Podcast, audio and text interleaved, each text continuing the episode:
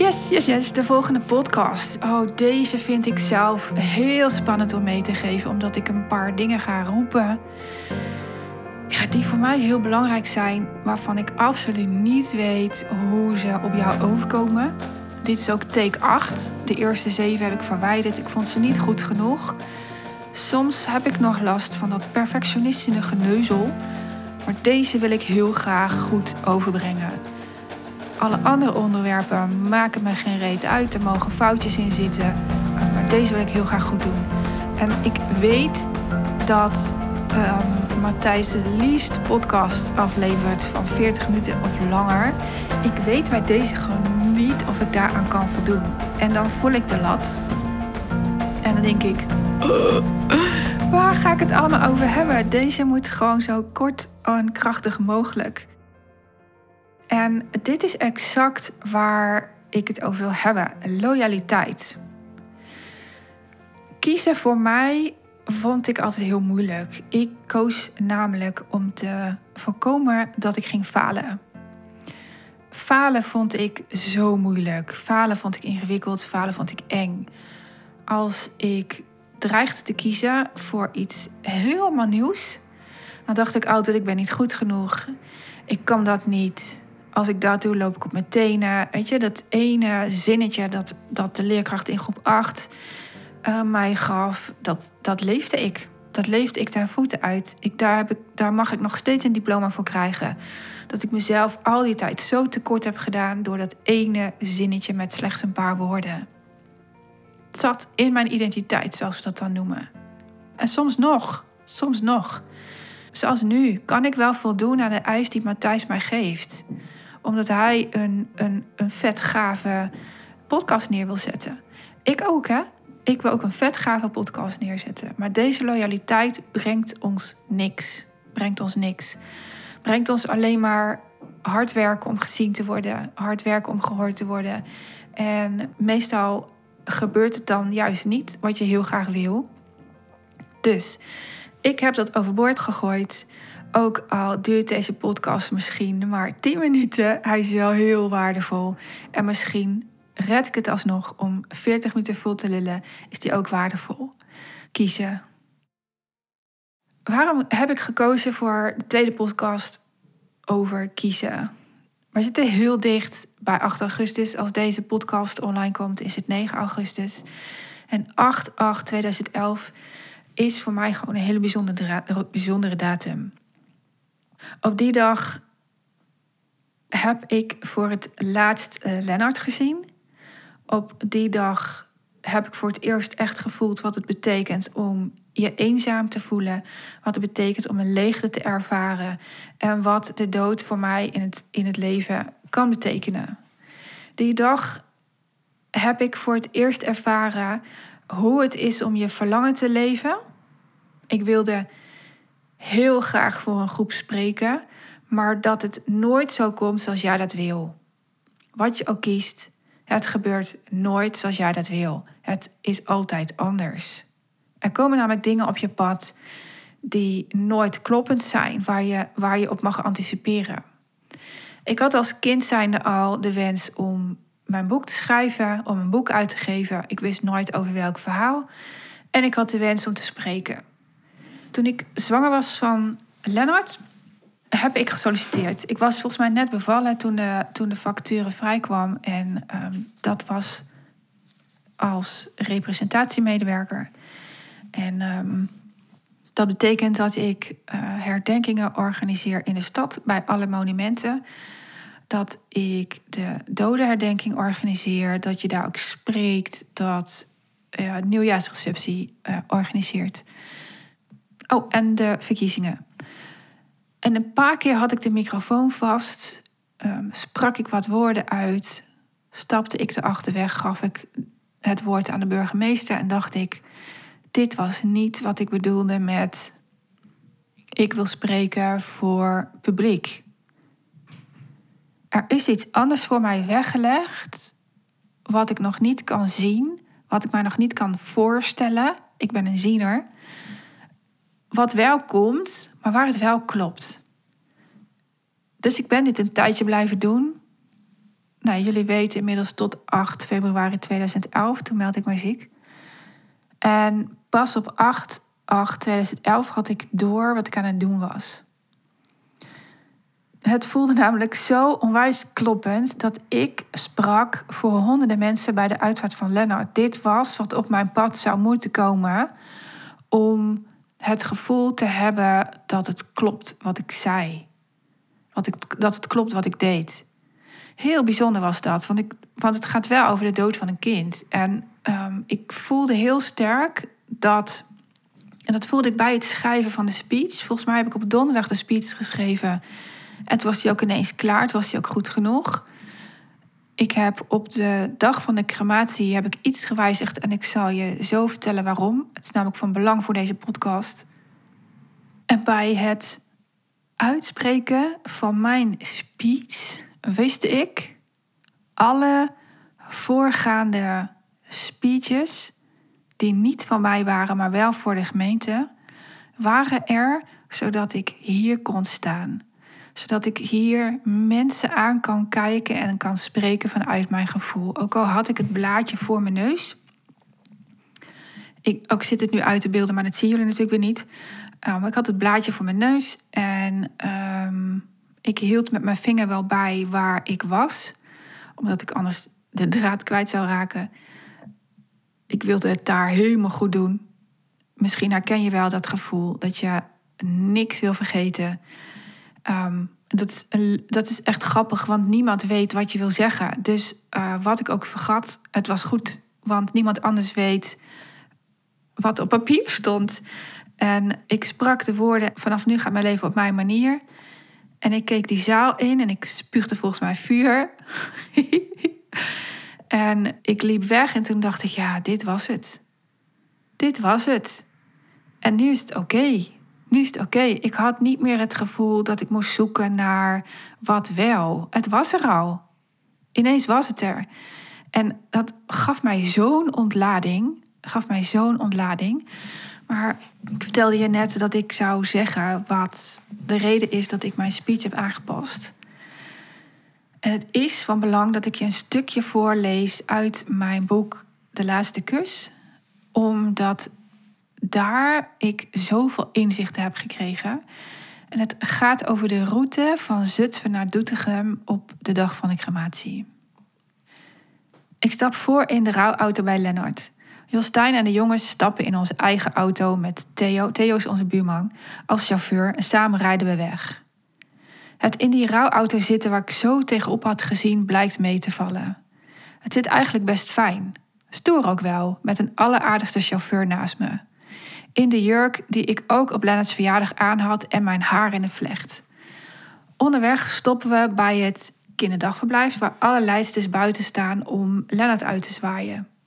Daarna stappen ze zelf in de auto en rijden ze achter ons aan naar Doetinchem. In Doetinchem rijden we verkeerd. En dat is de derde keer deze week. Ik bedenk mij dat het vast ergens goed voor is. En die woorden, dat het vast ergens goed voor is, heb ik altijd onthouden. Ik heb de speech nog even snel aangepast, want in die week, het is echt hilarisch als ik dit vertel, maar in die week zijn we, of we, Twee keer zaten wij zelf in de auto en één keer was de ambulance verkeerd gereden. De eerste keer was op 3 augustus, toen ik 112 had geweld. Toen uh, zei de meneer die ik aan de telefoon had: U moet ons al lang horen, de sirenes staan aan. Zei ik: Maar de sirenes hoor je niet aan hoor, mijn kind is al lang dood en ik zie u niet. En vlak daarna heb ik de telefoon overgegeven aan de buurvrouw. En uh, die ontdekte dat ze op een compleet ander adres stonden. Amen voor dat, want als hij direct het goede adres had ingetypt, dan hadden we hier allemaal paparazzi voor het huis gehad. Dat hadden we nu niet. Fantastisch. Ik denk echt, als dat iemand dit geregisseerd moet hebben. De ambulance was verkeerd gereden. Daardoor um, uh, uh, had ik de kans om nog even rustig met Lennart op schoot te zitten. Ik vond dat heerlijk. Ik vond het echt even fijn. Als je kind aan wiegedood overlijdt, dus je weet geen duidelijke oorzaak, Dan heb je een keuze. Je krijgt van de arts die erbij is. En wij hadden er twee. We hadden de arts van de GGD, dus de schouwarts. En we hadden onze eigen huisarts. En ik was heel blij dat ze er was. Zij heeft haar hele praktijk laten zitten. Volle wachtkamer en is bij ons gekomen. Ehm, je krijgt een keuze of je uh, onderzoek wilt doen. En ik had natuurlijk heel lang het voorgevoel dat Lennart iets had. Wat niet duidelijk naar voren kwam bij onderzoeken. Dus ik wilde heel graag dat Lennart uh, werd onderzocht. Vond ik fijn. Helaas is er nooit wat uitgekomen. Maar je moet je kind dan uh, brengen naar het mortuarium. En officieel mag je dat niet zelf doen. Maar omdat mijn buurman bij de GOR werkt van de GGD... een crisisteam is dat... Uh, mocht hij in de auto plaatsnemen, mochten wij achterin en ging de politie voor ons rijden. En ik moet echt om lachen, omdat het gewoon leuk was. Rijden ze toch verkeerd? Twee keer die dag. Dus uh, toen de chauffeuse van de rouwauto, die fantastisch zit. Ik moet echt bekennen, die rouwauto's, jeetje, ik heb me daar echt in vergist. Ik heb tegen iets opgezien waar ik niet tegenop had hoeven zien. Want je zit in de auto en die stoel die vormt zich helemaal naar je lijf. Die stoel zorgt letterlijk voor je dat je, dat je uh, uh, ja, je goed voelt. Tenminste, ik heb die ervaring. En um, uh, dat zij verkeerd reed, vond ik zo niet erg. En ik zei tegen haar: Dit heeft een symbool. Ik kan hem nu nog niet oppikken. Maar ik heb gemerkt dat alles wat ik de afgelopen periode heb meegemaakt. allemaal symbolen hadden voor de dood van Lennart. Ik heb ze niet genoeg opgepikt. Ik heb er niet genoeg over gehad. Omdat ik dacht: Ik lijk wel gek. Ik lijk wel gek. Um, en noem het een eerste, tweede, derde, vierde, vijfde, zesde, twintigste zintuig, zei ik nog tegen haar. Maar uh, weet dat dit helemaal oké is. Voel je alsjeblieft niet schuldig. En ik stapte uit en ik, ik moest heel erg lachen. Uh, mijn man zei ook, ik, ik wist dat je hier om zou moesten lachen, omdat het al de derde keer is. Ik zei, ja, ik heb mijn speech erop aangepast, nog in de auto. Ik heb een potlood gevraagd, dit moet erbij in, want het heeft een reden. En wat ik hieruit heb gehaald is, want het gaat nog steeds over kiezen, is dat alles wat je kiest heeft een reden. Alles wat je daarmee, daarna meemaakt heeft iets voor je. En soms betaal je leergeld. Ik heb in mijn hele leven weinig zelfvertrouwen gehad. Door Lennart is dat veel beter geworden. Door mijn opleiding te starten als coach is dat veel beter geworden. Door de dood van Lennart überhaupt. Want um, ik had het al gezien. Ik had het al bijna meegemaakt. En um, ik durf nu te vertrouwen op wat mijn intuïtie zegt. Ik durf te vertrouwen op de kiezelsteentjes die al op mijn pad worden gelegd. Alleen erover communiceren zorgt ervoor dat ik weerstand krijg.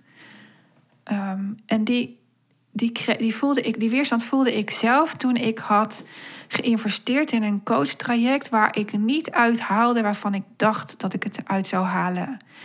Ik ontdekte daar dat ik al lang veel verder was dan ik dacht. Ik kocht daar zelfvertrouwen. Ik kocht daar de wetenschap dat dit traject er alleen maar voor mij was om mij te laten voelen dat ik goed op weg was. En de meeste mensen geven dan degene die het verkocht heeft de schuld dat het niet is zoals je van had verwacht. Dat, er, dat, dat je niet hebt gekregen wat op een verkooppagina staat. Of dat je uh, er niet eruit kunt halen wat je dacht dat je eruit kunt halen. Maar het heeft altijd iets voor je. Altijd. Dit soort dingen noem ik leergeld. Het, het uh, het is pijnlijk dat je erin hebt geïnvesteerd, maar weet altijd dat je er iets uit kunt halen. En ik kocht zelfvertrouwen. Terwijl op de verkooppagina stond iets heel anders. Heel eerlijk, ik kan niet meer, niet meer verzinnen wat, maar het was heel anders. Ik geloof het antwoord op de vraag: Wendy, hoe weet ik dat ik goed kies? Hoe weet ik dat het zeker wordt zoals ik bedenk? Is durf je te falen. Durf je met kiezen ook te verliezen. En durf je met kiezen te geloven dat het een enorm succes wordt. Kiezen heeft altijd twee kanten. Laten we het eerst eens hebben over falen. De meeste mensen durven niet te falen. De meeste mensen kiezen nog steeds veilig. De meeste mensen durven niet ontslag te nemen omdat je dan salaris overboord gooit. Terwijl salaris is schijnveiligheid. Maar stel nou dat je uh, gaat kiezen en je naar dat succes toewerkt. Dan kies je heel anders. En er zijn een paar dingen voor nodig. Je weet dat je goed kiest als je gaat doen. Als je gaat doen. Maar de meeste mensen kiezen niet echt. De meeste mensen kiezen op basis van goed genoeg gevonden worden. Als ik dat kies, doe ik zoals het hoort en dat vindt men fijn. Als ik dat kies, dan weet ik dat mijn ouders trots op mij kunnen zijn. Loyaliteit is dat. Als ik zorg voor huisje, boompje, beestje, ben ik goed bezig. Maar huisje, boompje, beestje is soms best wel saai. um, als je wil weten of je goed kiest, moet je je overlevingsstrategie weten. We hebben drie reacties en je hebt je vast, vast al een keer ergens gehoord. Je hebt je vast ook al een keer gelezen. Vechten, vluchten, bevriezen. En je moet weten welke strategie jij volgt. Welke volgorde jij volgt in spannende situaties. Als je goed wil kiezen, en wat is goed hè, maar als je goed wil kiezen, dan moet je weten welke ervaringen jij hebt en wat jij hebt meegekregen uit je opvoeding en je opleiding. Ik kreeg mee dat ik niet goed genoeg was voor de MAVO en dat ik dan op mijn tenen zou lopen. En ik weet dat als ik in een panieksituatie kom, dan wil ik weg. En als ik weg ben, weet ik pas de juiste woorden. Maar soms blijf ik erbij, omdat ik dan aan het volhouden ben op gezien, gehoord en begrepen voelen. Als je dat weet, kun je anders kiezen. De keuzes die ik heb gemaakt na de dood van Lennart, die waren heftig. Die waren heftig. Ik koos voor leven en dat begreep niemand. Ik wist dat ik ehm, niet in rouwtherapie wilde. Ik, ik weet niet waarom, maar dit is weer zoiets. Dit voelde voor mij niet oké. Ik wilde iets anders. En omdat ik nieuwsgierig was voor ja, op alles wat werd gezegd over de dood. En ik het zo anders voelde, um, wilde ik iets met communicatie doen. De beste keuze ever. Maar dat wist ik toen natuurlijk niet. Ik wist dat als ik nu in die weerstand geloof, dan stap ik in mijn oude valkuil, in mijn oude gedrag. Dan blijf ik doen wat ik doe en dan verandert er geen reet. Dus ik heb dingen getest. Ik ben gaan doen. Ik heb eerst die advertentie gelezen in de krant. Die heeft een paar dagen op mijn bord gehangen in de kamer waar onze planning op stond. En ik bleef er maar naar kijken. Iets trok mij. En ik ben te gaan bellen. Is het iets voor mij? Nou, je mag eerst een, een informatieavond bijwonen. Dan kun je altijd nog nee zeggen. Er waren dus tussenstappen ingebouwd. En die waren voor mij heel fijn. Ik was verkocht tijdens de informatieavond, dus ik ben het gaan doen. Nog steeds in rouw. Maar ik deed het wel. Ik ben het gaan doen. En dat is zo belangrijk om te testen of je voelt dat het goed is. Want de meeste mensen testen het niet. Die gaan al een, een veilige keuze maken of niet kiezen. En niet kiezen is ook een keuze. Nog voor ze de dingen hebben getest. Zo jammer. Dan leef je namelijk je leven niet. Als je niet test of een keuze bij je past, leef je het leven van iemand anders. Of iemand anders gaat doen wat jij onwijs leuk vindt. En dan is bijvoorbeeld die baan um, vergeven. Wat ik doe als ik, als ik een nieuwe keuze maak en ik zit er nu middenin. Want ik uh, heb alles bereikt wat ik droomde na de dood van Lennart. Ik wilde met parttime werken, mijn salaris verdienen. Ik wilde veel tijd met de jongens doorbrengen. Ik wilde tijd hebben om te koken. Ik wil gezond mijn leven leven. Ehm, ik wil mijn werk doen, maar ik al mijn kwaliteiten in kwijt kan. En ik ben er nu. En waar ik nu ben, vind ik vreselijk saai. Dus ik mag weer een, een nieuw doel in mijn leven toelaten. En wat dat dan is, weet ik nog niet. Maar stel ik weet het. Stel ik wil ehm, vandaag een boerderij met geitjes en schaapjes en uh, de hele mikmak. Dan zal ik een uh, boerderij gaan zoeken op Funda die erop lijkt. Die foto, die plak ik op allerlei manieren in mijn leven. Dus Pinterest, als ik mijn telefoon open, uh, dan zie ik wat mijn doel is. Daar werk ik dan naartoe. Ik ga voelen hoe het is als ik mijn boerderij al heb gemanifesteerd. Of het die een rieten dak heeft of niet. Of die van die mooie uh, ronde ramen heeft. Tot, tot, tot en met de grond waar je dan uitkijkt. Uh, wat je, waar je dan uh, s morgens vroeg een ree ziet. Dat ga ik helemaal voelen. En hoe voel ik mij als ik altijd mij is gelukt? Exact hetzelfde als wat ik deed bij, de, bij het vinden van de handafdrukjes. Die wilde ik bewaren en ik voelde dat het mij ging lukken. Ik wilde dit. Exact hetzelfde als mijn boek. Ik wist, mijn boek gaat er komen. Ik weet niet wanneer, maar zo voel ik mij als ik mijn boek presenteer. Ik weet niet hoe ik mij voel als ik gezond ben. Maar als ik gezond ben, wil ik iedere dag kunnen sporten. Ik wil fit opstaan. En wat is er dan nodig om fit op te staan? En hoe voel ik me als ik fit ben? En wat zien mensen dan aan mij? En ik weet wat mensen dan aan mij zien als ik mijn doelen heb gehaald. Dan spreken mijn ogen, jongen, oh, niet te geloven. Hetzelfde als wat ik gedaan heb met deze podcast. Hoe voel ik mij als de eerste podcast online staat? En ik heb de eerste podcast geluisterd. Ik heb daar een story van gemaakt. Ik sta stralend in die story, ook huilend. Ik fucking trots. Je voelt je gewoon trots als je je doel hebt gehaald. En je voelt je nog trotser als je weerstand hebt gehad op jouw pad. Die hebt uh, uh, omgebogen in, in energie en je dan alsnog je doel hebt gehaald. Dat, dat, dat doet iets met je. Dat gevoel is zo magisch. En um, ik verbind mij dus met dat gevoel.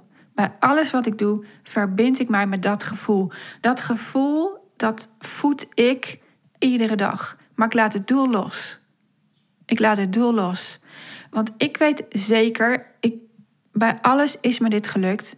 Als je het doel voelt, als je voelt wat het met je doet, als je het magische gevoel al een keer ervaren hebt.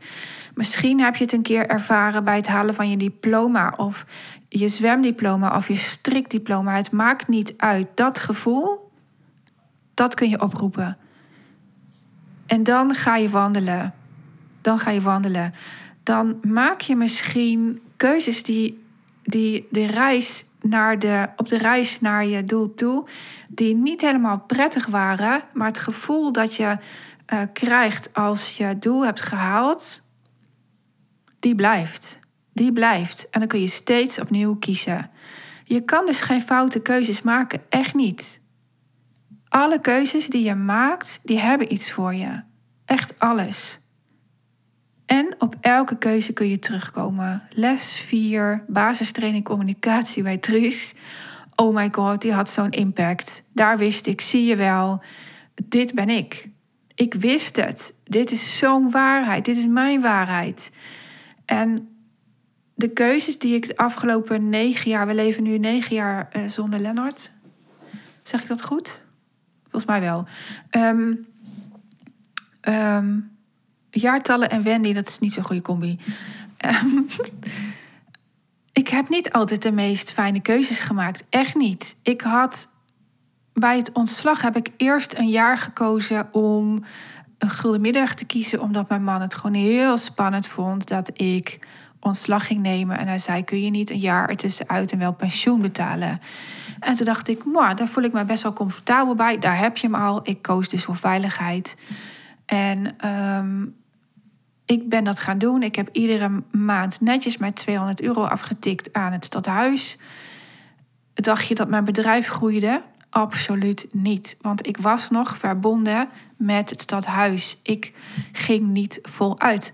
Pas toen ik had bewezen dat ik die 200 euro kon betalen en dus ook 200 euro per maand in de huishoudpot kon stoppen, uh, voelde mijn man vertrouwen dat ik uh, ontslag kon nemen. Ik heb dat ook gedaan toen. En het voelde mega ongemakkelijk.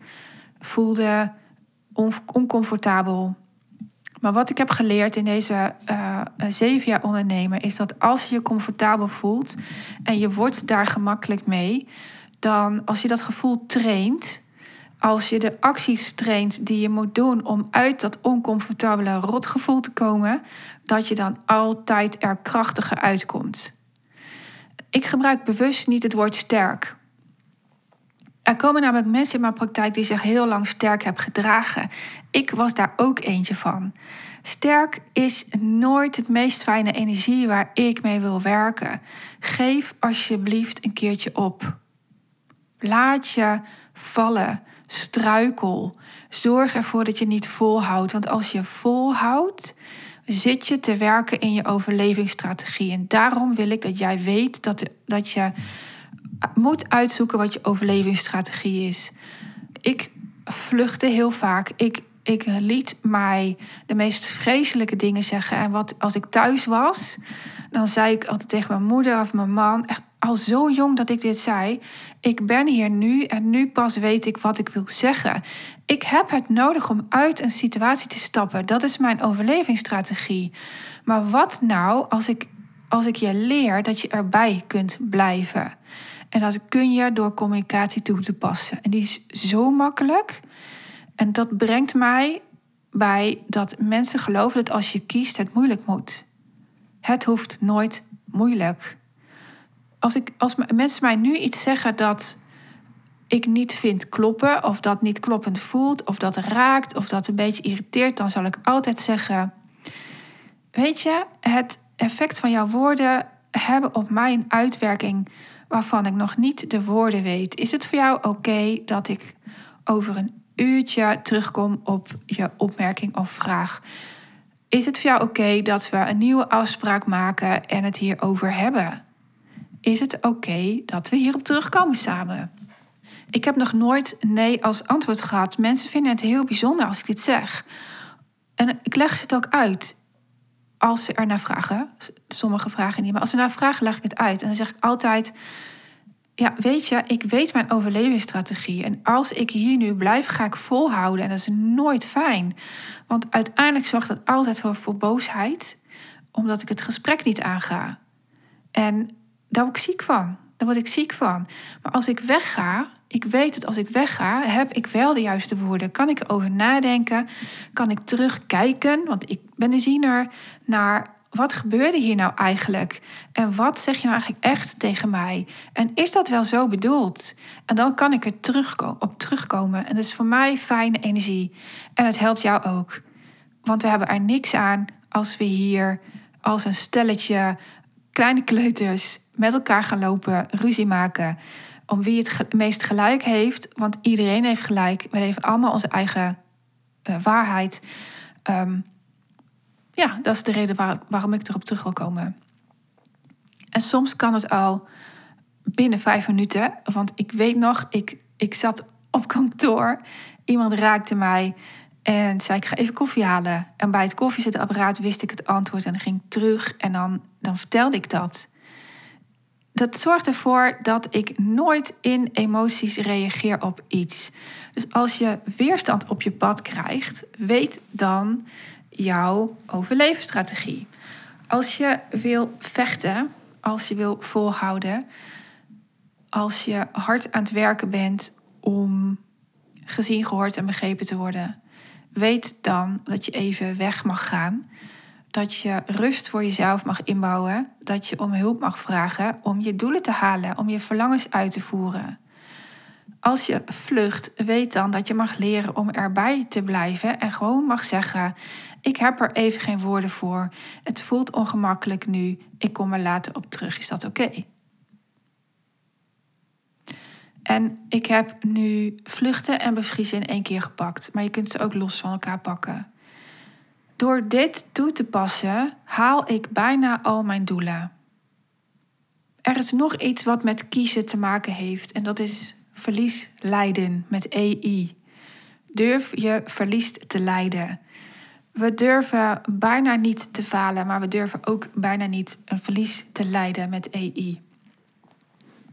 Bij alles wat ik heb gedaan, heb ik verlies geleden met EI.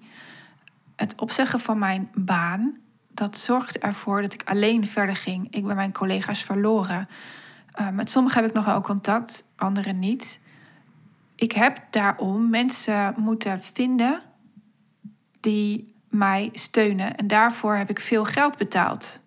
Ik heb veel geld betaald voor masterminds. Ik heb dus bewust verlies geleden op geld. Met EI, alles met EI. Uh, sommige vrienden kunnen het absoluut niet handelen waar ik allemaal mee bezig ben. Die willen liever in hun eigen bubbel blijven. Is prima. Dan spreek ik dus minder met je af. En uh, ik uh, leid dus verlies op contact met mensen waar ik vroeger wel heel veel contact mee heb gehad. Maar er komen ook heel veel mooie mensen voor terug. Uh, sommige klanten blijven hangen. In, uit Masterminds heb ik nog heel veel contact met mensen.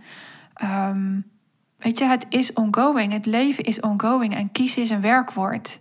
Kiezen is echt een werkwoord. En het gekke is, nou, het is eigenlijk helemaal niet gek, want ik, ik weet natuurlijk wat erachter zit in ons hoofd. Maar uh, ik vond het altijd gek dat als ik iets aan het kiezen uh, wilde, als ik iets wil kiezen, dat is een goede zin ben. Als ik iets wil kiezen, dan dacht ik heel vaak dit mislukt. Of uh, hier heb ik geen geld voor. Of zoveel tijd heb ik niet. Of wat zal mijn man er wel niet van denken? Of mijn ouders, of whatever. En het was nooit eens dat ik dacht: hell yes, dit ga ik doen. Totdat ik die handafdrukjes zag. Toen pas wist ik het gevoel wat je. Um, het gevoel dat je moet hebben als je een doel wil halen. Je moet er heel erg blij van worden. Je moet het kunnen voelen. Je moet kunnen benoemen wat je laat zien als je kiest, als je ergens voor gaat. En de meeste mensen kunnen het niet. En dan weet ik zeker dat ze iets willen kiezen vanuit die overleefstrategie. Om niet te falen, om goed genoeg te blijven, om op je plek te blijven waar je nu bent. En als je niks verandert, als je niet, niet onveilig durft te kiezen, verandert er geen reet. Pas als ze durven zeggen waarvoor ze daadwerkelijk willen gaan. Als ik net dat kleine zinnetje eruit haal wat voor hun belangrijk is en waar, waar ze een, een, een stralende glimlach van krijgen en een oog van bijna uit hun hoofd springen, dan weet ik, dit komt goed. Zo heb ik één klant die hier was en waarvan ik op de, op de toilet dacht, dit zinnetje, die blijft bij mij hangen. En uh, dit moet ze gaan doen. Dit is het enige wat ik onthoud waar, en waar haar energie uh, uh, zo sky high van ging. Dit moet ze doen. En als ze daar ook nog een, een goed doel bij aanplakt, dan gaat ze als een speer. En zij, zij ging dat doen. En ik ga je in verband met de privacy niet vertellen wat het was, maar zij heeft daarmee haar omzet verdubbeld. En dat is alleen maar omdat ik dat zinnetje heb onthouden en zij heeft dat niet eens door. Je hebt het vaak zelf niet door wat je uh, wat je laat stralen. En dat is zo mooi aan mijn vak dat ik het dan mag teruggeven. Daar ben ik verslaafd aan. Daar ben ik echt verslaafd aan. Je kan niet verkeerd kiezen. Ben je bereid om te falen? Ben je bereid om verlies te lijden? Dat zijn de drie dingen die je in kaart moet brengen. Wil je goed genoeg gaan kiezen? En omschrijf dan wat goed genoeg is. Om de podcast af te sluiten ga ik je een voorbeeld geven van een caravan die wij hebben geregeld. Wat we heel spannend vonden. We hebben het namelijk andersom gedaan. En mijn woorden voor jou is: doe alles andersom. En ik heb het hier over de wet van aantrekking. Ik weet niet of je het al door had, maar ik heb het hier over de wet van aantrekking. Um, een paar jaar geleden kwamen wij terug van zomervakantie en we hadden ze iets van ja, onze caravan kan wel kleiner. Onze jongens werden ouder. Ze wilden absoluut niet meer in de caravan slapen, lekker hun eigen tentje. En um, caravan verkocht. We hadden een, een hele mooie en uh, voor goed geld verkocht. We dachten, ja, mooi, wij kiezen wel een nieuwe. Nou, internet afgekeken en um, wij wilden een formaat. Uit mijn hoofd is het 4,95. Maar vraag me niet of dat klopt. En ik, uh, ik zei tegen mijn man, ja, lieve schat... We zijn nu al uh, een week of tien aan het zoeken. We vinden niks. En alle caravans die wij hebben gevonden, die worden voor onze neus weggekaapt. Wisten wij veel hoe gewild die, uh, dat formaat was. Ik denk dat het weer andersom moeten doen. Ik denk dat we weer een Wendy moeten uitvoeren. Hij zei, ja, wat is dat dan? Zei, wij moeten eerst de campingplek reserveren...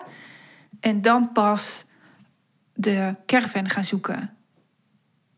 Dit gaat over kiezen, jongens. Kiezen is een werkwoord. Geef jezelf pijn om te kiezen, want dan ga je pas. Met de vraag die aan mij gesteld wordt: halen jullie doen? Ik zorg ervoor dat jullie gaan doen. Dus doe het andersom. Zorg dat je zelf pijn krijgt. Nou, dat hebben we gedaan. Vonden we mega spannend. Maar het ergste wat ons kan overkomen, vraag je altijd af: wat is het ergste dat je kan overkomen? En meestal is dat dan niet zo erg. Kun je lijden, verlies kun je lijden met EI. Het ergste dat ons zou kunnen overkomen is dat wij de vakantie moesten gaan annuleren. Dat zou ons iets van 100 euro kosten. Konden we lijden. Um, dus we gingen ervoor. Nou, Wendy ging de campingplek reserveren. Er was nog één plekje, alsof het zo moet zijn. Hè? En daarna gingen we op zoek naar de caravan. We waren ik praat nu over vier weken voor de zomervakantie. En mijn man die keek dagelijks op Marktplaats.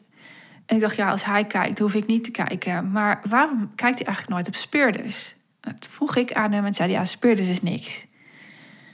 Speurders is niks. Als je niet kijkt, weet je niet. Hoezo oordeel je al, ik weer hè, hoezo oordeel je al zonder dat je iets hebt gezien? Dus ik kijk op speurders. En um, we hadden samen ook een lijstje met waar moet ik er van aan voldoen en wat mag die dan ook mankeren. Want dat is heel belangrijk. Je moet specifiek zijn. En um, wat hij mag, mocht mankeren was iets aan de buitenkant. En de geur aan de binnenkant moest goed zijn. De bekleding moest goed zijn. Het matras wilden we nog wel wisselen. Dus dat mocht eraan mankeren. Maar voor de rest, het gastfornuis, alles moest het doen. We willen niet repareren.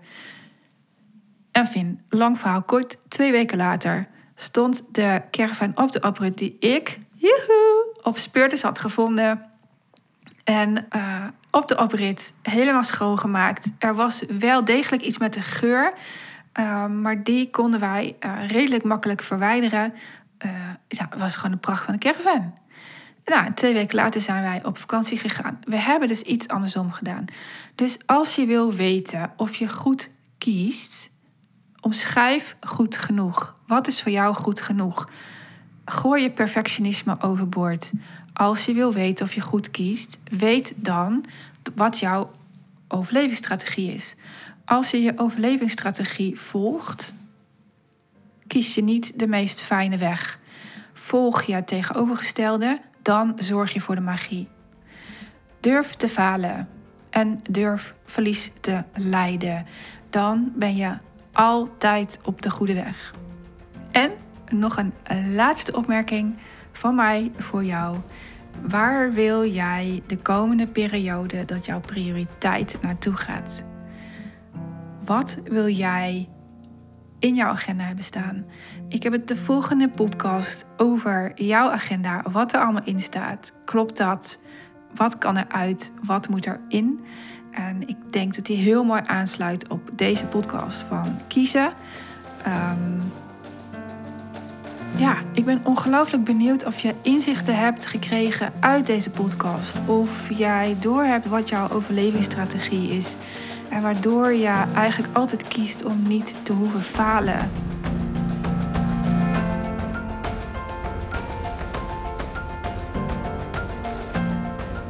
Ik hoop dat jij de omslag kan maken naar succesvol kiezen. Dat je weet waar je kunt falen en dat je daar leiding over kan nemen. Want de enige die jou in de weg staat, ben jij zelf. En dat is super gaaf, ook confronterend.